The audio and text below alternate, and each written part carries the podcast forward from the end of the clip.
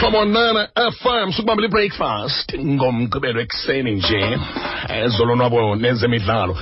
Ngoku ndamkela umphathiswa wezemidlalo apha emzantsi afrika nenkcubeko utata unathi mthethwa mphathiswa masikwamkele thina kumhlobo wenene.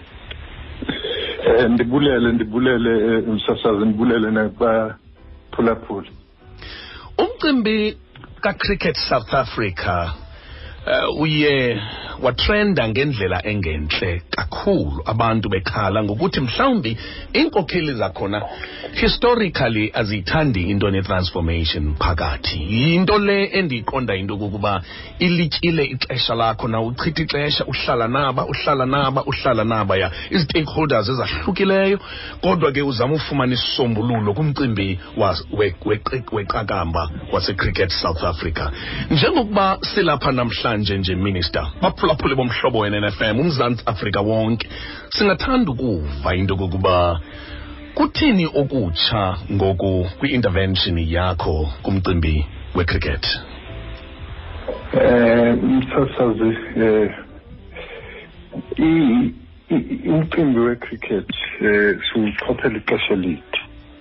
Eh njengokusitsho uthi si iye sadibana ne stakeholders eh over a period of time mm. but into ebi ebicaca into yoba ikhona wena into enob resistance eh ekutheni sishintshe because i-nicholson report eh eyenziwa close to a decade ni- esikhathini esingangeminyaka elishumi edlule. Iyayicacisa into yoba akube noshintsho eh kuthi ama-directors e-cricket eh abe i-majority yabo ubuninzi bawo bi eh abantu aba-independent. Eh so no no no no chair ngokunjalo. Nezinye ke neminye imiqathango eyibekayo i-report. Kodwa eh inkokheli ezikhona kwiqakamba ziye zabonisa into yoba azizoshintsha eh eh ngaphandle kokuthi bancediswe uba bashintshe. Eh ilonto ke yenze ukuthi sithi si- sizama ke ukubanceda ke ngokuthi eh sithi ekuqaleni abayisolve lento ngokwabo eh as cricket South Africa. Yaboyisa msasazi. Ndayithatha ndayisa kwi-SASCOC yes. i-confederation ukuthi akube yiyo. Njengoba i-act isitsho ukuthi eh, badile nalento eh nayo yoyisakala i- i-SASCOC yayibuyisa yayiletha kuminister lento ukuthi minister eh iyasihlula lento aphila ke eh xa nisho njalo ke zintombi namadoda amakhulu eh ngizowuchophela ke lo mcimbi. Ngingene ke kuwo eh yakhe i-interim board. I-interim board eh isebenze kanzima. Eh ingakwazi ukuqhubela phambili ngoba kwenzeka konke lokhu umsasazi i-cricket e-south africa ifile njengoba usitsho ukuthi ikuma-news eh kuthethwa ngayo izinto ezimbi zodwa ngayo.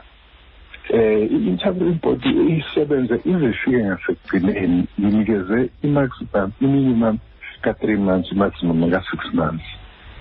Mayifika ekutheni manje sekuyiwa kwi-special general meeting. Kuvunyelwene ukuthi hayi cha kuzo-adopthwa indlela entsha indlela ye-transformation. Masifika pha kwi-special general meeting benza i-embarrassment kwi- kwi- kwizwe lonke. Nehlabathi liphela libhekile. Eh bathi bayayiresista i-transformation. Yilento ke enza ukuthi ngibuyele kubona ngibabuze ukuthi i- i- aba- abangiphe eh ama-reason ukuthi nginga-intervene eh ngokomthetho eh i-act national sport and recreation act usection 13 othi wena xa ndi-intervene eh bazothathelwa eh imali futhi ukufanda Mm. bazo eh, thathelwa eh, i i-recognition usho ukuthi eh i i-cricket in South Africa would be dead. Izoba kwi-wilderness. Hayi lamadoda akhuba wona akhuba athi hayi simile thina apho simkhona ithi hayi bo ningabe nenze nje i-South Africa siyifile. Eh ngo last minute ke sengiyihambisa ngiyoyigazetha lento eh ngibabuzile kaningi niyayiqonda lento ukuthi ichaza ukuthini. Eh base beyashintsha ke ukuthi ayi eh, eh, bazohamba ke ne-transformation. Ngoku ngoba masifika em kulesa special general eh, meeting besifuna nje u-75 percent ozovumelana nokuthi kube i-transformation. So apha abantu kufanele bakhethe kwi-transformation nokuqhubeka nalezi nkinga ezikhona. Kwi-cricket. Mphathiswa uxolo mphathiswa yi-members council le uthetha ngayo bekufuneka I-members council. u-75 percent wayo. Uba ngaba mphathiswa le nto ibingenzekanga ninyanzeleke ningurhulumente into yoba ningenelele ibizawubeka iqakamba lasemzantsi afrika emngciphekweni kwi-international cricket council. Mhlawumbi iziphumo ezingathandekiyo bezawuba njani ibizoba ibizoba buhlungu imeko yethu. Ibizoba masikizi. Eh kuba em njengoba sisitsho ukuba bekuzophela ngeqakamba eMzantsi Afrika.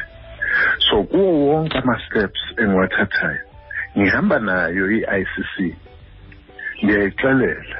And ngiyixelela ukuba eh angithathisi i-permission kubo kodwa ngiyabachazela ukuthi eh iqakamba eMzantsi Afrika inkokheli zakhona zidinga ukuthi zincedwe.